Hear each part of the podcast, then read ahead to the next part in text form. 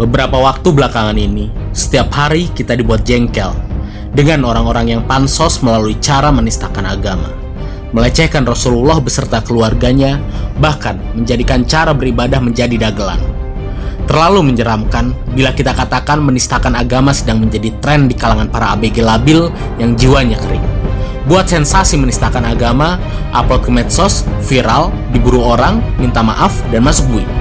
Sepertinya siklus seperti itu sedang bertubi-tubi menjengkelkan setiap hari. Dan tidak sedikit para pelakunya tercatat di KTP beragama Islam. Entah karena kurangnya pemahaman atau karena mereka sengaja melecehkan yang jelas ini mengerikan. Kenapa harus mengerikan? Ya, mengerikan. Bila amarah umat sudah tak tertahan, mengerikan. Bila umat Islam sampai tak percaya pada yang berwenang dan langsung ambil tindakan memburu para penista tanpa pikir panjang. Kita memang berupaya sabar, tapi kesabaran kita tentu tak selamanya.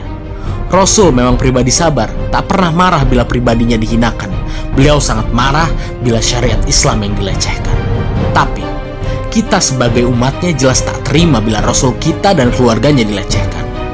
Untuk kalian yang ingin mencari sensasi dengan melakukan penistaan, segeralah pikir panjang. Kalian bisa saja lolos kali ini, tapi tidak dengan catatan Tuhan, terlebih di bulan suci Ramadan. Dan hati-hatilah, saat sabar di hati umat ini selesai, maka kalian pun akan selesai.